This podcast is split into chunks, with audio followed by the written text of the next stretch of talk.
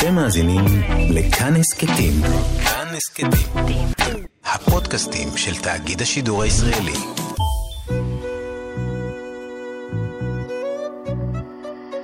ליסה פרץ משוחחת. שלום לכם מאזיני כאן תרבות, באולפן ליסה פרץ ואני משוחחת עם אנשי ונשות תרבות על חיים ויצירה. עורכת התוכנית ענת שרון בלייס, והיום האורח שלי הוא המשורר שרון אריק כהן. אה, לשרון אה, יש עכשיו ספר ביקורים אה, נפלא בשם רשומון מרוקאי, פואמה ארוכה שהולכת אל העבר המשפחתי עד להווה של שרון. ותוך כדי מעשה הלירי, הפואמי, השירי, הולכים ונחשפים סודות משפחתיים ואישיים. שלום לך. שלום. לפני שאנחנו מתחילים את השיחה, אני רוצה בבקשה שתקרא את השיר שעל גב הספר שלך. בשמחה. איך קוראים לו? מינוס 4, 1969. הרמת הכוסית האחרונה של רבקה אלקבץ הייתה לחיי המוות. לבדה, ללא ברכה מקדימה וללא הסכמה. לגימה בודדה חרכה את גרונה. התאבדותה של סבתי, חישוב מסלול מחדש לארבעה דורות. ועכשיו תקרא בבקשה את ההקדשה של הספר. למי הקדשת אותו? לסבתי, רבקה רוזיליו אלקבץ, שלא זכיתי להכיר, אך זכיתי לאהוב. אה, סבתך עלתה ממרוקו, אה, בגיל 40 היא שתתה חומצה והתאבדה. רציתי לשאול, מאיפה נודע לכם הסיפור הזה? מאיפה לך? אתה, אתה לא זכית להכיר אותה כאמור. כן. בגיל 13, אני הייתי ילד קצת שובב, קצת בעייתי. קצת שובב, קצת בעייתי, אז היו שולחים אותי כל uh, חופש למשפחה, לדודים. ובאחד הביקורים הללו, איפה הביקורים האלה? בדרום, באחד המושבים. Uh, אחת הגיסות אמרה לי, אתה צריך להיות יותר רך עם אמא שלך. אז שאלתי אותה למה. אז היא אמרה לי, כי סבתא שלך התאבדה. לא ואז- ידעת את עד זה? לאותו רגע אמרו לנו מסרטן, אה, מחלה קשה, הסתירו את זה מכל המשפחה. והלכתי עם זה כמה שנים, סיפרתי קצת לאחים שלי, הם חשבו שאני ממציא את זה. הם לא ידעו את זה. לא, הם לא ידעו את זה. ואחרי, כזה בגיל 20 שלי כבר התחילו יותר לדבר על זה האחים והאחיות. ולמה, ידעת משהו על החיים של הסבתא שלך? שום דבר. למה היא נטלה את חייה? אה, בגלל זה כתבתי את הספר, כדי לברר קצת. אז בשנה האחרונה, ב-2019, ממש ערכתי תחקיר. הלכתי ושאלתי דודות ו- ונשים זקנות שעוד בחיים, ודודים. ספרו לי על סבתא, כי ברגע שהיא התאבדה, גם העלימו אותה לגמרי. לא דיברו עליה. מי היא, מה היא. הכאב כנראה וכל הטראומה, פשוט העלימו אותה לגמרי, ולא רק את, את אה, סיבת, התאבדו, אה, סיבת מותה. והתחקיר הזה, מה גילה לך? איזה מין אישה היא? אה, קודם כל, את סיפור חייה, מעבר לאיזו אישה, סיפור חייה, מה היא עברה. שהיא התחתנה בגיל, אה, חיתנו אותה בגיל 14. שהיא, עלו לארץ בגיל 47, נעלמה תינוקת והם ברחו חזרה למרוקו, שם אימא שלי נעלמה. אמא שלך נעלמה במרוקו. ש- שם אחותה נעלמה, סליחה. אחותה, שם אוקיי. אימא שלי, אימא שלי נולדה במרוקו, סליחה. כן. אחרי שהם חזרו. הם הגיעו עם ילדה, ועם אמא שלי, שסבתא שלי בהיריון עם אמי, נעלמה הילדה והם ברחו חזרה למרוקו. אמ, שהיא עשתה תאונה, שהיו לה כאבי ראש פתאום, אה, שהם נקראים כאבי ראש התאבדותיים, שהייתה צריכה להיעלם שעות בחדר, שהיחסים עם השכנות היו מורכבים, שריכלו הרבה, היחסים עם אימא שלה היו מורכבים. בעיקר, בעיקר שבגיל 40 היא הייתה כל כך לבד, שזו הייתה האופציה היחידה שלה. וגם נעלמה לה ילדה, כן. ב- ב- בשנת 47, כן. כן. והדבר הזה הותיר חותם בתוך המשפחה, אצלה, אני מניחה. כן, זה גם תקופה שלא דיברו על שום דבר, לא פתחו שום דבר, לא תקופת פסיכולוגים, זה גם עדה מאוד סגורה, ש... שמעדיפה לא לדבר, לפחות אה, מה שאני חוויתי. אוקיי. והספר הזה הוא בעיקר על, על סודות ועל שככל שמדחיקים ומבליגים, אז העומס הנפשי והצרות האישיות, לא נ... שום דבר לא נעלם בעצם. אז אתה בעצם אומר שכל הסיפור של הסבתא שלך והתחקיר סביבה, הוא בעצם התניע אותך לכתוב? כן, לא, לא, לא כתבתי לפני כן. מעולם לא? מעולם לא. כתבתי, לקחתי סדנת אה, כתיבה ב-2017. כן. אמ, שזה גם סיפור מעניין. חברה, חברה ביקשה ממני לפקוח עין. אם יש איזו עבודה, הייתה תולעת ספרים. ומצאתי איזו מודעה, אה, סופר בעל שם מחפש אה, אה, עוזרת. אמרתי לה, את חייבת ממש עכשיו להתקשר. הלכה לראיון, התקבלה לעבודה, זה היה עמוס עוז. מ-2012 עד, עד יום מותו, היא הייתה העוזרת האישית של עמוס עוז, אז זכרונו לברכה. גם חברת ידיעות מופקים, מופיעה בשירים דרך אגב, גפנית. ותוך כדי שהעבודה איתו, היא הפכה להיות מנהלת אדמיניסטרטיבית של uh, המגירה, בית ספר המגירה. ואז החלטתי לקחת פעם ראשונה uh, קורס uh, כתיבה, סדנת, uh, סדנת כתיבה עם שרה בלאו, ושם בכל שיעור עולה סבתא. כל הזמן. דמות, תיאור דמות הסבתא, זיכרון ילדות תיאור הסבתא, אה, פיתוח, כל דבר. היא עלתה שם ב... עלתה שם בכל סיפור. איך אתה מסביר את זה שאתה חי הרבה שנים והסבתא הזאת אה, לא מופיעה או שהיא מודחקת? אין, אין, אין לי הסבר לזה, באמת. תנסה זה... אולי להבין מה.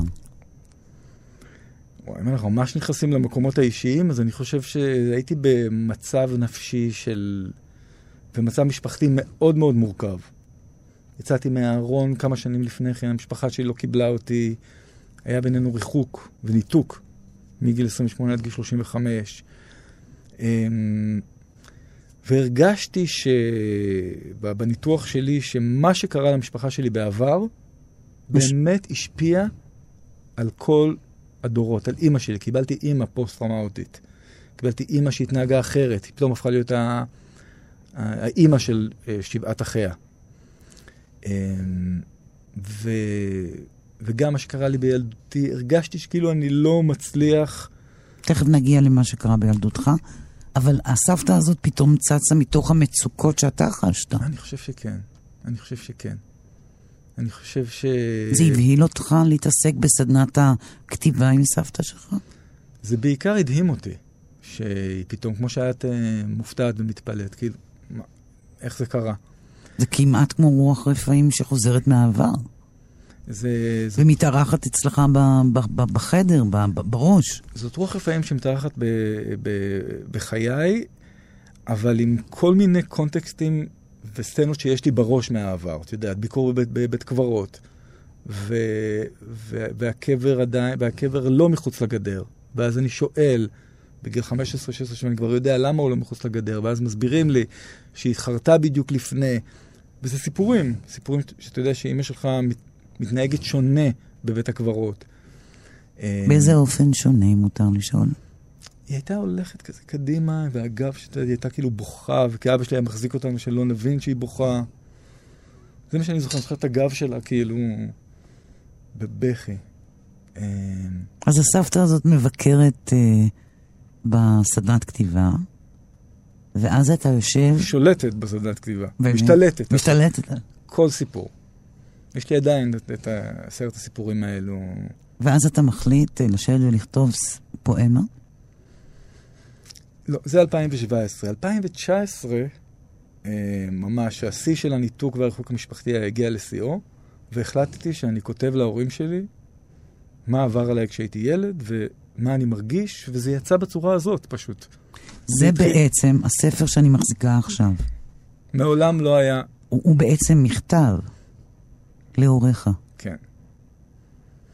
אוקיי. מכתב להוריי שהתחיל כבואו אני אספר לכם מה קרה לי, ואז התחבר לסבתא, שני החורים האלה שפועמים, ולאט לאט הבנתי שאני חייב להיחשף עוד ועוד ועוד, ולספר גם מה עובר עליי כיום, ו... וגם על היציאה מהארון, וגם על, ה, על השבע שנים של ניתוק מהם. והכל התהווה לספר הזה. אני בעצמי די בהלם מהספר. כן. מזה שהוא יצא, כן. צריך לציין שהספר יצא בהוצאה עצמית, נכון? כי מה? למה? כי כולם אמרו לא. כולה, כל, הס... כל ההוצאות ספרים אמרו לך לא. עד, שזה, עד, עד הפרסומים בארץ, ואז הפרסומים בארץ. בתרבות וספרות, בעריכת בני ציפר. ושם התמונה השתנתה. כל ההוצאות ששלחת את הספר הזה, ושלחת ללא מעט, אני מניחה, שבע, שמונה הוצאות. כולם אמרו לא. וצריך להז... אה, גם לומר כאן, הספר אה, כבר מכר לא מעט ספרים. אנחנו נכון? בהדפסה שלישית, הוא הוא מכר למעלה מ-1200 עותקים, ו... והייתי מאוד נדיב ביחסי ציבור, כי באמת חשוב לי שאנשים. יקראו את הספר הזה. עכשיו, אני העולם... אגיד לך, אני אגיד לך עוד משהו, אני בכלל לא תכננתי להוציא אותו. חשבתי ל... לשים PDF. שאלו אותי מה אתה עושה, אני אשים PDF באינטרנט, שיקראו. ואז מישהו קרא ואומר לי, לא, די, תיתן, לה, תיתן לסיפור הזה קצת כבוד, תיתן לו עטיפה, תיתן לו... את יודעת, לא ידעתי מה עושים. אמ, לפני שהגעת ל... לסדנת הכתיבה עם שרה בלאו, אמ, קראת שירה, התעסקת בזה, רצית את זה, ידעתי שתשאיר, אני מתבייש להגיד שאני לא מאלה ש... למה אתה מתבייש להגיד? מת- מת- מתולעי ספרים, לא. אני חושב שיש לי יותר אוזן ל... לאנשים. כלומר. ל- לשפה, כן, אני מאוד אוהב את השפה, אני לומד מילה חדשה, אני אחקור עליה גם בכל שפה. אה, באוניברסיטה למדתי גם. גם אה, איטלקית, גם ספרדית. כלומר, כן התעסקת בלשון. כן. אני עכשיו אדע שאני אתקל במילה שאני לא מכיר, אני אחקור את ה... לעומק את המקורות שלה ו- ואיך אומרים אותה נכון. ו... אז בעצם אתה באת בכלל עם שיר, שירה שהיא בתוך האוזן, ופחות שירה שעוברת דרך הראש, כלומר דרך קריאה והפנמה. כן. ואת זה שמת בתוך הספר הזה. עכשיו, מה נדרש לבן אדם כשהוא כותב אה, את מה שהוא כותב ברשומון מרוקאי? כלומר, עם כל החשיפות והקליפות שאתה משיל מעצמך, מה נדרש מבן אדם לעשות את זה? אומץ, תעוזה, אה, כמעט התאבדות פומבית, אה, סוג של לשבור את הכלים, מה... מה את האמת, להיות עם הגב לקיר. כי מה? לכתוב או לחדול. להיות, להוציא את זה עכשיו, או, או לסיים את החיים שלך בשוב, ולהסתתר, ו, ולא לספר להורים שלך באמת מה עברת. תשמעי, אני לא הייתי בקשר עם ההורים שלי בשנים האחרונות. אחי הקטן למד על הספר מ, מ, מהארץ. הוא הגיע לעבודה שלו, ומישהי אומרת לו, "אה, אתה חייב לקרוא משהו בארץ, פורסם נורא יפה, אני שולחת לך. אוקיי. בזום, היא שולחת אליו, הוא פותח, אומר לה, זה אח שלי. היא אומרת לו, מה פתאום, זה שם בדוי, שרון ארי כהן. הוא אומר לה, זה אח שלי, זו סבתא שלי. ואז הוא כתב לי מייל מאוד, אה, מאוד מרגש, הוא מקווה שזה יפזר קצת הערפל שיש בין, בין האחים ובין ה, בינך. בין ההורים. בין ההורים. אז בעצם זה מתחיל מסבתא, מניעה את כל הכתיבה, ואז זה מגיע להיות מכתב להורים שלך. אמ, לספר להם בעיקר על הילדות, על, על גיל הילדות. שש. ו- ו- וחוץ, זהו, אני מגיעה לזה עכשיו. חוץ מהסיפור עם הסבתא שהתאבדה בשתיית אה, חומצה, אתה עברת תקיפה מינית כשהיית ילד אה, מאוד קטן, כן, בגיל בגיל שש. שש. בשכונה שגדלת בה? באופקים. באופקים, כן. אוקיי. אמ, כמה שנים, כלומר, טופלת אחרי זה, דיברת על זה, סיפרת למישהו? זה, זה היה הטיפול. סיפרתי לכמה חברים כש... כשבגרת, האחרונות. כן. ממש בשנים האחרונות, לא דיברתי על זה. לא, עד השנים האחרונות. לא, עם, עם אף אחד. איש. ו- ואיך הת- התייחסת לזה כאל סוד נוראי, כאל... איך זה הלך בתוכך? כטרגדיה? זה עיצב אותך? כלומר, זה שבר אותך? זה... מה זה עשה בך? אני חושב שזה מעצב אותך גם אם אתה, לא, גם אם אתה רוצה או לא רוצה. אבל uh, אני חושב שהיכולת הדחקה הייתה כל כך גדולה, שפשוט שמתי את זה בצד. הבנתי שזה משפיע עליי כל הזמן, בגלל זה אני הומו, לא בגלל זה אני הומו. זאת אומרת, יש את השלב הזה שאתה עובר אותו ואתה מבין שזה לא בגלל זה אתה הומו. ו... והיה היה שלב שאני זוכר שהוא גם נמצא בספר, שפגשתי אותו פעם אחת, עובר מולי במעבר חצייה. בתל אביב? בתל אביב, בארלוזורוב, יש איזה שיר כזה, ו... ואמרתי, טוב, אני חייב ללכת לטפל בזה, ללכת לפסיכולוג, ולא. דיברת איתו? זה היה ממש, אלא... הוא עבר מהצד השני למעבר חצייה ואני עברתי, זה כמו סצנה מסרט. כמו סצנה מסרט. ואתה לא אמרת מילה? הוא לא זיהה אותי, אני הייתי חייל. אני ו- אותו. ומה זה עשה בך, המפגש האקראי הזה? איזה אקרה, איזה סוג של הבנה, עוד פעם, בושה גדולה, אני חושב שזאת המילה, זו בושה. בושה מאוד גדולה במה שעברת, במה שנתת, ל, שנתת לזה לקרות. לא נתת לזה לקרות, אתה יודע. אתה לא מצליח לה... כן, אבל עוד פעם, זה לא רק הייתה הפגיעה הזאת, זה היה כמה שנים של... אה, שהיה שורק לי שאני אצא החוצה, ואם לא אני אספר, והוא היה מאיים עליי. הוא איים על חייך. הוא איים שיספר כול, לכולם. זה, זה אותו דבר. אותו דבר. זה אותו דבר. ובגיל שמונה, שמונה וחצי זה ככה כבר... אה, פסק. התפייד. אוקיי. ואתה שנים לא מספר על זה, רק בבגרותך לכמה חברים. שאומרים לי, תספר להורים שלך, תספר להורים שלך, ואני אומר להם, איך מספרים דבר כזה? לא היה לך את המילים? והאומץ.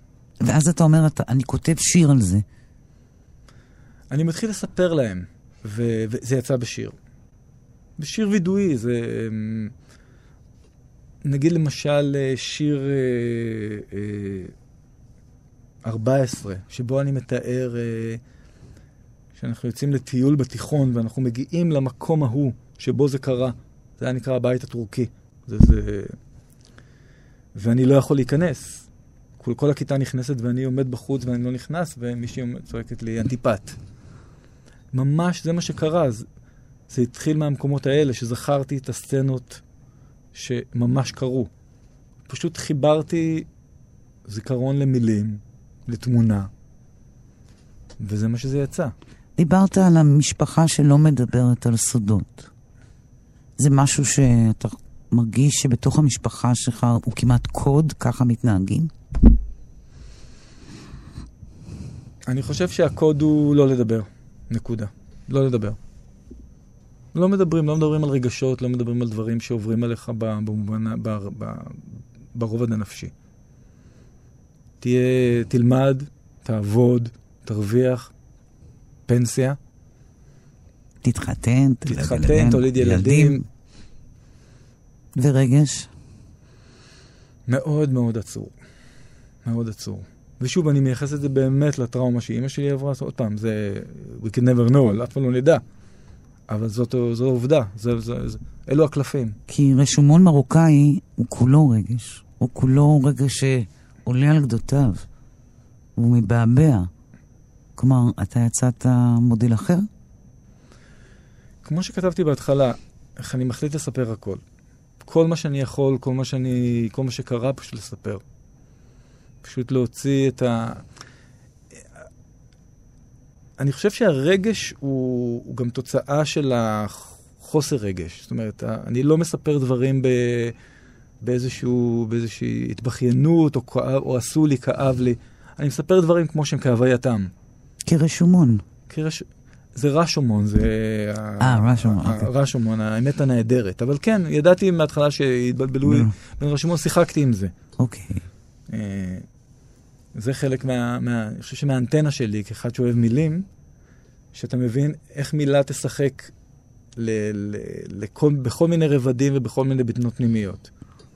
אה, אבל כן, אני מבין מה את אומרת. את אומרת כאילו, בגלל שהספר כולו רגש, זה אנטיתזה למה שהרגשתי במשפחה. נכון. כן. אתה יכול להקריא לי בבקשה מתוך הספר שוב את השיר על השבע שנים של הנתק. בבקשה. נתק מהמשפחה. 28, 2001. שבע שנים של געגוע, לעוגיות מכונה מרוקאיות, לשיבה בתר חנה. שבע שנים של געגוע, למגש הכסף מול הסרט הערבי. לאימא ולדרודון בחורף, לאבא נרדם, פונה עורף. שבע שנים של געגוע, לבית, לאחים, לאחות, משפחה כחלקי מכונות. וגם אם אפול אימא עד לסוף המדרון, לעולם לא אשוב לארון. ספר לי על תחילתו של הנתק. אתה בא ומספר להם שאתה גיי? באיזה שנה? ב-2001. כן. ו... ו... ומה? ומה הייתה התגובה של המשפחה שלך? זה גם סיפור מצחיק. סיפרתי לאבא שלי דרך הטלפון. הוא אמר לי, תגיע, תגיע לסוכות. אז אמרתי לו, אני לא, אני לא אגיע. אז הוא אמר לי, למה? אמרתי לו, אבא, אני לא אתחתן אף פעם. אז הוא אומר לי, מה, וזה, יש עכשיו כדור כחול, יש ויאגר וזה. אמרתי לו, אבא, זה לא קשור. הוא חשב שיש איזו בעיה. אמרתי לו, אני הומו. אז הוא אמר לי, לא, אל תגיד את זה, אל תגיד את זה, אני מנתק, וניתוק. ואז אני אה, מתקשר, חוזר, מתקשר הביתה, זה טלפון כזה אלחוטי, אה, אחי הקטן עונה, אה, קובי, קובי, כרגע סיפרתי לאבא שלי הומו, איפה הוא? הוא אומר לי, כן, כן, הוא יצא בסערה. מעביר אותי לאימא. אמא, אמא, כרגע סיפרתי לאבא שלי הומו, וככה יצאתי מהארון עם כל המשפחה. בטלפון? בטלפון. ככה זה קרה. מה, תכננת את זה בטלפון? לא, זה פשוט יצא. פשוט יצא, אני זוכר את הרגע שבו אני יושב ואני אומר, עוד פעם לנסוע הביתה, ועוד פעם לשקר, ועוד פעם להסביר להם אין לי חברה, ועוד פעם... זה יצא. תשמעי, את הנס אין להשיב, אבל ככה זה יצא. ו... אה, אבל לא היה לך בראש את השיחה הזאת שאתה עושה איתם ומספר להם, כזה שנים לא הכנת את עצמך. תראי, באיפה שאנחנו חיים, אז אתה, אתה, אתה רואה את זה בסדרות, בטלוויזיה, אתה רואה את זה, את הרגע, אימא ואבא, יש לי משהו לספר לכם. לא. לא? אצ- אצלי זה היה ב... די, אני הומו. ומאותו רגע לא באת הביתה. באתי למחרת הביתה, והבית חשוך, וכולם יושבים על הרצפה, וכאילו, שבעה? משהו כזה, אבלות. ואימא שלי אומרת לי, איך אתה יכול, ואיך אתה... אמרתי לה, אמא, אני לא יכול, אני סחבתי את זה כל כך הרבה שנים, תעזרו לי לסחוב את זה אתם יחד איתי. אמרו לי, אנחנו לא יכולים. קמתי, יצאתי, ואמרתי להם, ברגע שתוכלו לקבל אותי, אני אחזור. וזה לקח שבע שנים. ואיך חיים בשבע שנים האלה? נורא נורא בבדידות, ולחפש משפחות אלטרנטיביות, אה, קצת לאבד את עצמך, קצת להגיע לכל מיני אג'ים, כל מיני קיצי, מקומות קיצון. זה, זה, זה לא נחמד להיות לבד במשפחה. ו- ואתה הרגשת שאפילו יש לך איזו חרטה שככה סיפרת או ככה טיווחת את זה, אז שה- בשבע שנים האלה? לא, אבל אולי כן, אבל טוב שאתה מעלה לי, מעלה בי את זה, אבל לא. לא. כל כך שמחתי שזה כבר יצא לי, סע. באמת? כן. לא יכולתי להתחרט על משהו שסוף לא, סוף אני אומרת, יצא. אני שואלת באמת, כי, כי אולי יש את המחשבות האלה. אם הייתי אומר להם את זה בצורה אחרת, בזמן אחר, בקונטקסט אחר, אולי זה היה אחרת. אני לא, אני לא חושב ככה. אני חושב ש... אה, התגובה הייתה אותה תגובה. הייתה, היה להם קשה מאוד לקבל את זה גם באותו רגע וגם בצורה הזאת. בשבע שנים אתה מחוץ לבית, אתה לא נכנס לתוך הבית, אתה לא רואה את אמך ולא את אביך, בקשר מאוד קלוש עם האחים. כי מה הם, איפה הם בתוך המשוואה הזו? הם בחיים שלהם בעיקר, ו... ובעיקר חושבים שאין מה לדאוג. שזה, או שזה יעבור, או ש... שאין מה לדאוג. מדי פעם, אה, they reaching out, מדי פעם הם מתקשרים וזה, אבל לא באמת. אני גם לא נותן, כאילו, תקבלו אותי. וזהו. כן. שזה גם, זו, זו, על זה אני כן מתחרט. למה? כי צריך לתת לזה אה, תורת השלבים, זאת אומרת, לאט לאט לקבל, לאט לאט אה, לתת להם קצת אה, להכיר אותי, השר... כאילו זה פתאום שרון חדש, זה לא שרון שהם הכירו. פוחז ו... ונמהר, אבל אתה אומר, זה כבר, זה פשוט יצא ממך. ממש. ואין לך בשבע שנים האלה רצון פתאום לעלות על, הא... על האוטו ולנסוע ל... לאופקים? הם זה כבר באשדוד. היציאה מהארון אוקיי. הייתה כבר באשדוד. באשדוד. הם עזבו, כן, הם עזבו את אופקים כשאני הייתי בצבא. אמ, לא, אבל אולי את צודקת, אולי הייתי צריך לעשות את זה, אבל לא עשיתי את זה.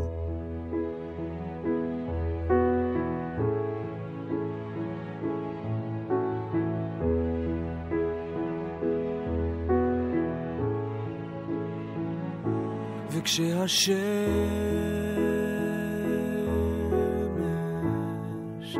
נמחקת בשמיים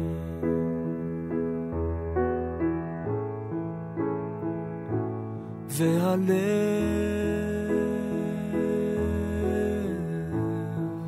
מטפטף לי דרך העיניים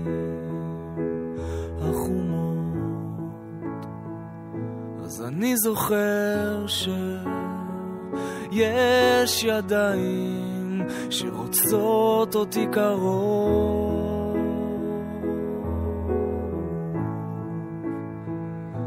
אני יודע שזכיתי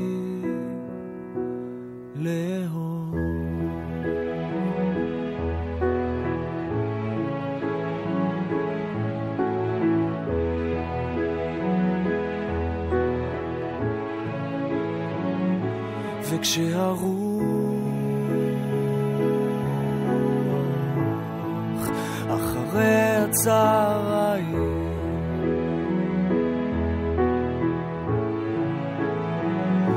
היא מפזרת ענפים קטנים ובינתיים זה נעים אני זוכר שיש עיניים שרואות אותי קרוב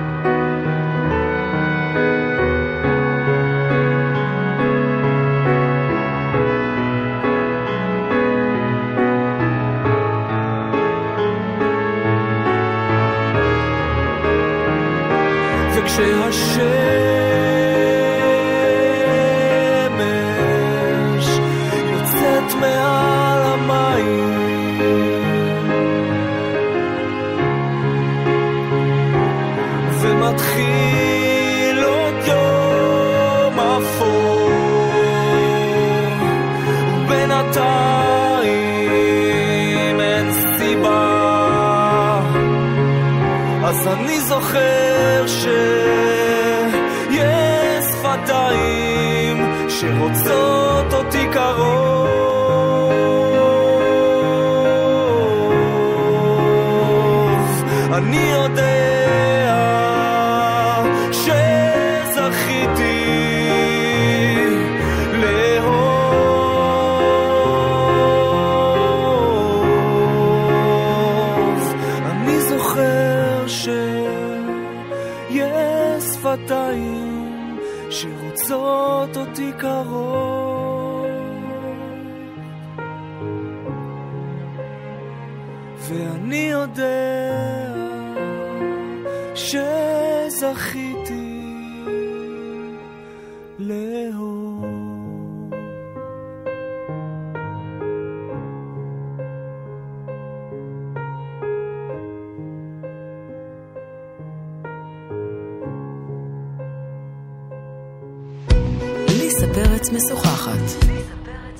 איתי באולפן, שרון ארי כהן.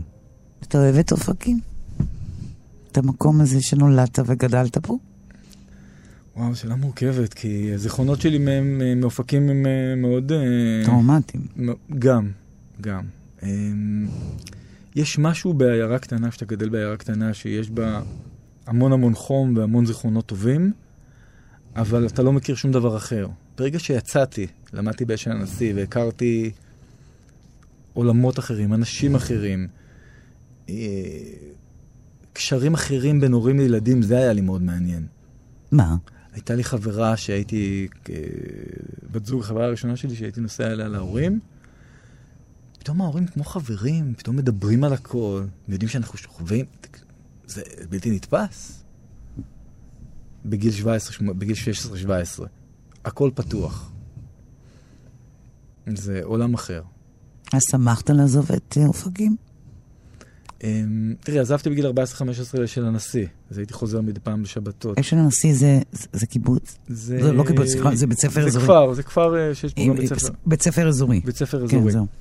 אמ, בשלב הזה כבר הייתי די מנותק מאופקים. זאת אומרת, כבר לא היו לי חברים שלמדו באופקים וגרו באופקים. אז אני את התהליך שלי, תהליך פרידה מאופקים התחלתי כבר בגיל 15.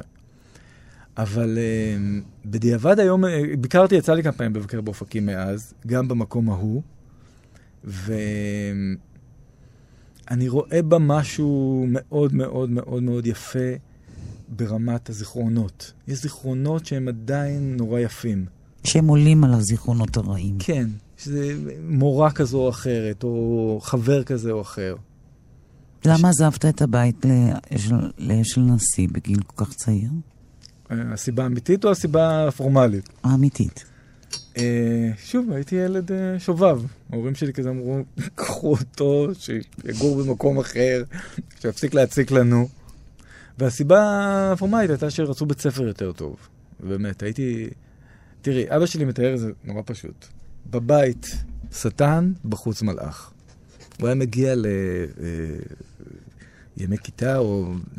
זה, ואמרת לו, אוי, שרון, איזה תלמיד, איזה חמוד. הוא אומר לה, אבל הוא בבית שטן, מה את רוצה? כאילו, הוא מסרב לשמוע דברים טובים עליי. אני חושבת שזה טראומטי.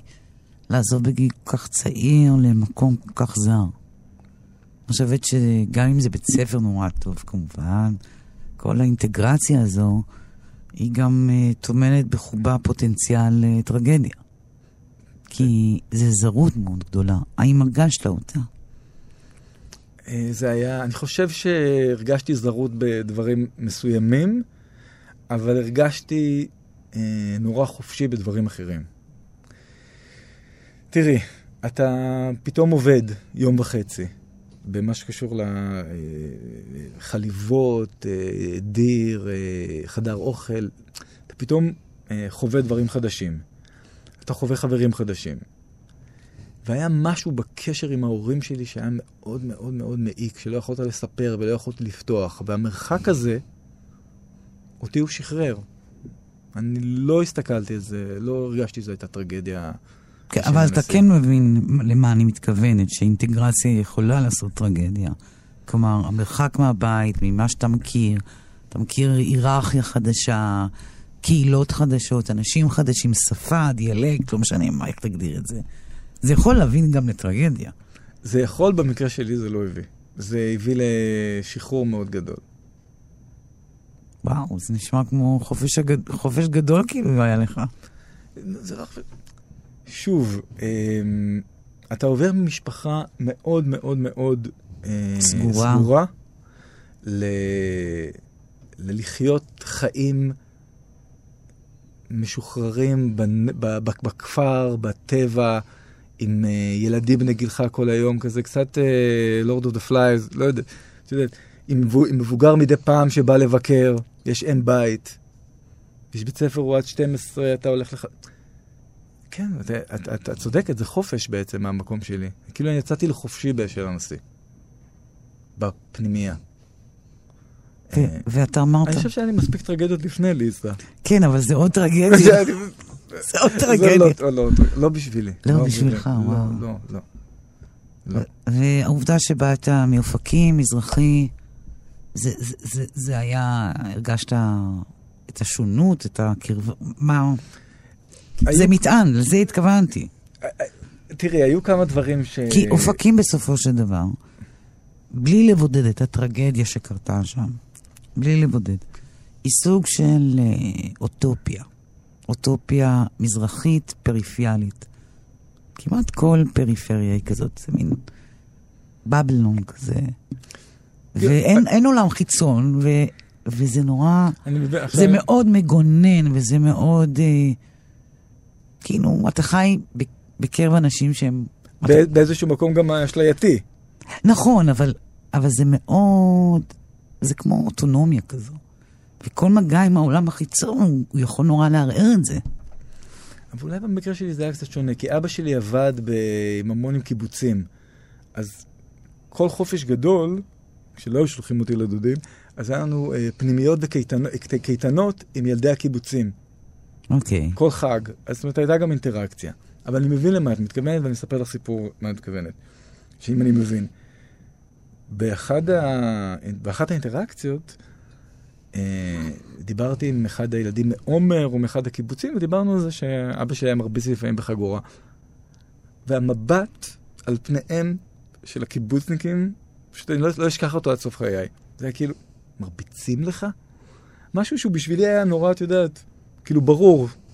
שונא, חוסך שבטו, שונא בנו, כן. מפליקים. פליק. אז שם הייתה איזו התנגשות קלה של, אה, של פערים, אבל uh, אני חושב שמה שעזר לי זה בגלל שהייתי גם תלמיד טוב, וגם uh, הפנימיסטים, רובם באו מהרקע דומה לשלי. Mm, מירוחם, מבאר שבע, ממשפחות שככה לא היה קל לילדים, שהילדים היו חייבים להוציא אותם, מה, להוציא אותם מהבית. אני הייתי עוד, עוד מקרה קל.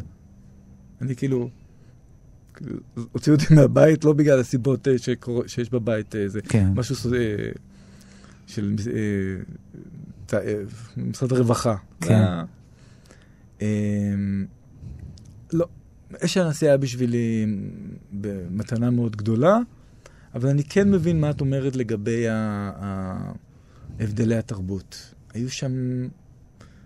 אה, אתה, אתה מרגיש את זה אפילו בבגדים, אתה מרגיש את זה קצת בשפה, אבל זה המקום שלי ללמוד, ליסה. זה שם המקום למדת. שלי להתפתח. כי באופקים לא עשית את זה? הרגשת שאתה אתה לא עושה את זה? אני חושב שהאופציות היו מוגבלות גם ברמה, ברמת השפה העברית התקנית, למשל. אני זוכר איזה סיפור אחד שאמרתי אה, סגנוני במקום ססגוני. את יודעת, ואף פעם לא תיקנו אותי עד כה. ומישהי בשנסי תיקנה אותי, אמרה לי, אתה מתכוון לססגוני. כאילו, עד היום אני זוכר את זה. שכאילו, שאתם מתקנים אותך במקומות שעד כה לא תיקנו אותך בעברית. הייתה לנו גם מורה לספרות מד... מדהימה. כן. כן. אמ, אין ספק שזה זה היה upgrade ברמה של הבית ספר, ברמה של הלימודים. יש לך שיר על אופקים? אה, כל הילדות היא על אופקים, אבל לאו דווקא. אני רוצה שתבחר שיר יפה על אופקים. ש- ש- שאופקים עולה ממנו. של אופקים. וואו. אמ, עוד פעם, אמ, זה שיר שמבחינתי, הוא לפני שאני אה, נולדתי, אבל הוא כן מבטא את, אה, את הלחץ הזה שיש באופקים, את הקרבה של ה... איך אחד נמצא, אחד בתוך החיים של השני. וזה שיר מינוס 4, 1969. שמעתם? זה וזה מת, ככה וככה קרה. חיים ומוות בלשון העיירה. אוכלים, מדברים, נושמים, שכנות מלהגות לילות ובקרים. שוב תהדי, ראית את זו עם התיק, ואיך עם בעלה, הבת שלה חוקית, צקצוקי מתכת בוהקה, על ברד של תה, נוגסים בנשמה, עם ריפה בפה. הדה הוא הדה מת, אגדה הוא אגדה זרע. שמעתו, האחיות לא בכו מספיק בהלוויה.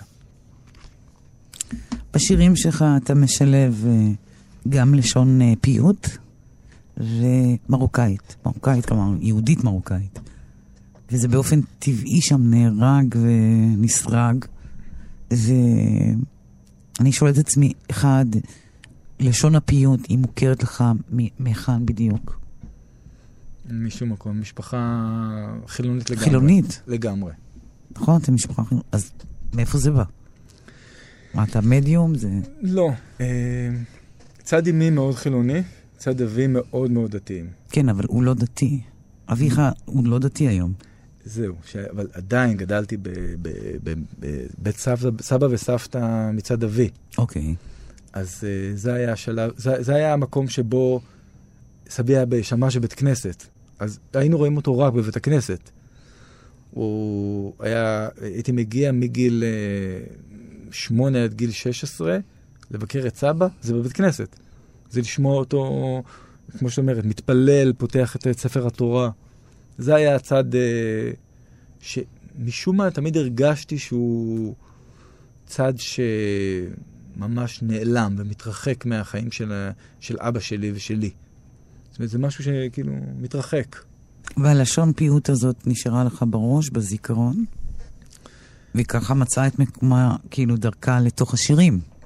היו, אה, היו בשירים רגעים שבהם הבנתי שאני לא יכול להשתמש רק בעברית. שאם אני רוצה להעביר איזשהו רגש, מסר, ואת ה, את, למה שאני באמת מתכוון, זה חייב להיות בשפה מרוקאית. כמו אה, זה המנהג שלנו, שאומרים לנשים אה, שמחתנים אותם בגיל צעיר. זה יכול להיות רק במרוקאית. אתה יודע מרוקאית טוב? אז איך המילים במרוקאית פה נכנסו? אלה זה. זה בערך מספר המילים שאני יודע במרוקאית, אבל גם זה, אה, גם לזה ערכתי תחקיר. זאת אומרת, גם שם אמרתי, אוקיי, אני רוצה להגיד את זה במרוקאית, איך אומרים את זה במרוקאית? אני רוצה לספר את הסיפור, ד... תראי, את המילה חשומה כולם מכירים. ברור. אה, אה, דרדון כולם. דרדו כולם מכירים, שיבה כולם מכירים, מחמר, שזה הסיפור על יום כיפור, אני, אני ואבי. עוד פעם, זה, זה שברי מילים במרוקאית, שזה משהו שנורא מאפיין את הדור שלנו. שחינכו אותו לדבר רק עברית, להיטמע, כור היתוך. אז שברי מילים, כמו איזה קוד, קוד פגום של, אה, של שפה. של שפה. אתה מצטער שאתה לא יודע יותר טוב מרוקאית? ממש רוצה שאני אצטער פה על דברים ושאני אתחרט פה על דברים. לא, אני שואלת, כי, כי זה כן. שפת אם שהלכה לאיבוד, זהו, גמרנו. כן, אני חושב שיש פה משהו בזהות המזרחית ש... שפספסתי, שגידלו אותנו ממש, עבריים לגמרי, עברית, אה, שדיברו מרוקאית זה רק או שלא נבין או שדיברו עלינו. זאת אומרת, או, ש... או שרבו ביניהם או שדיברו עלינו. זה היה כאילו השפה הסודית שלהם. השפה הסודית.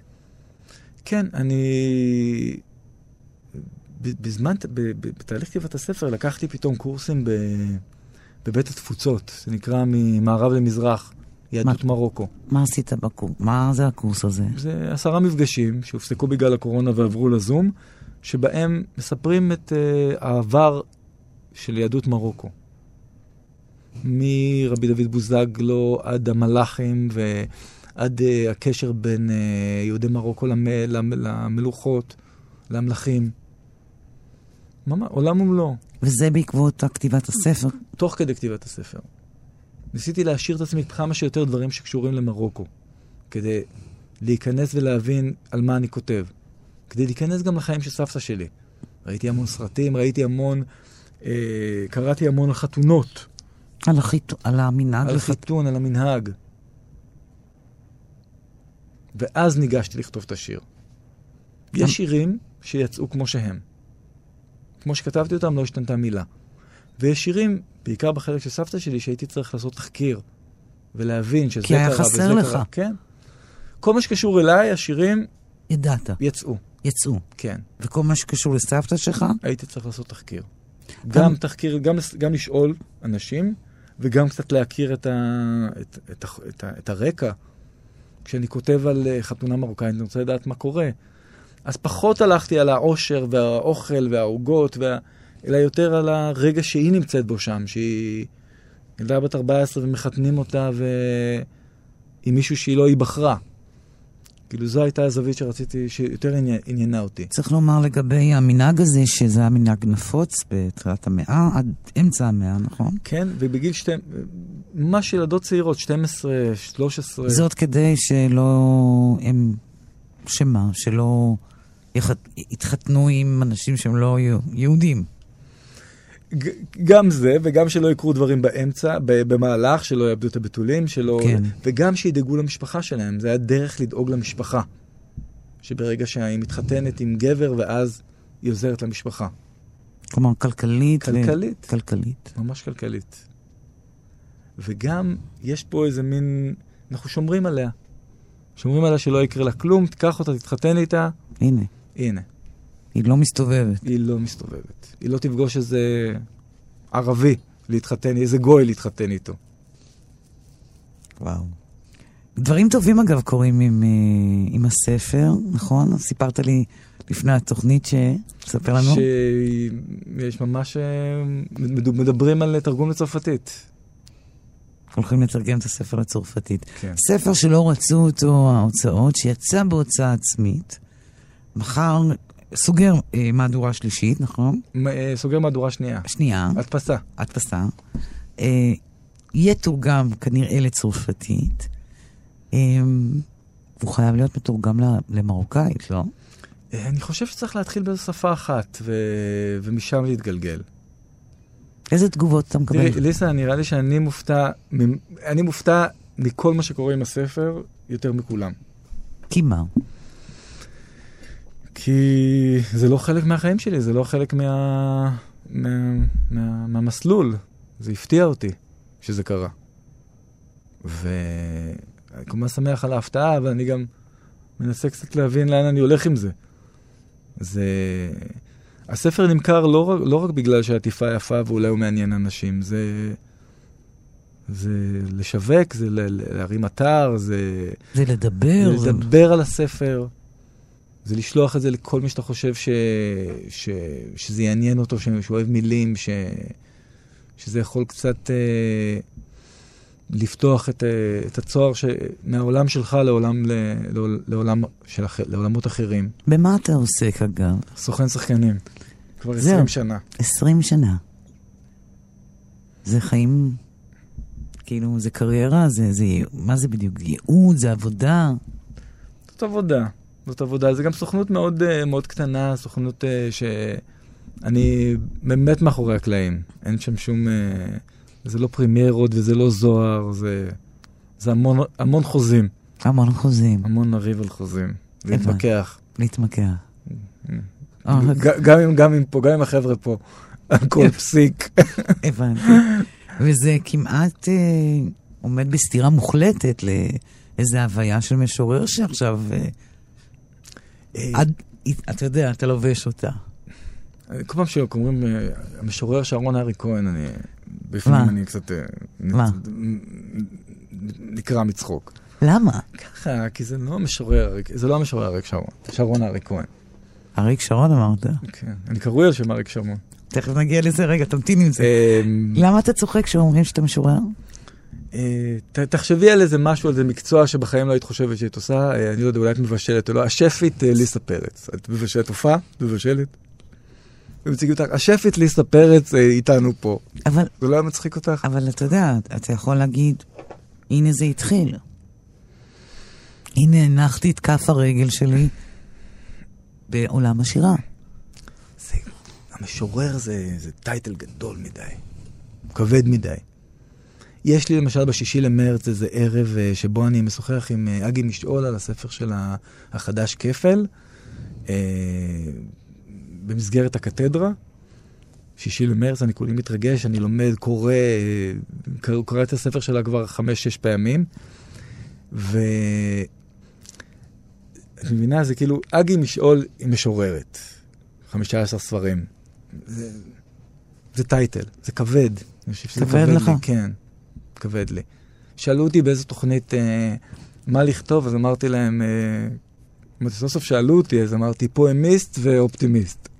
אבל אה, אה, את השם שלך אתה נושא בגאווה כמובן, אה, אה, שרון ארי כהן, ואתה אמרת קודם, נפלט לך, אני קרוי על שם אריק שרון. נולדתי בדצמבר 1973, אחרי מלחמת יום הכיפורים, אמי הייתה בהיריון במח- איתי במלחמת יום הכיפורים.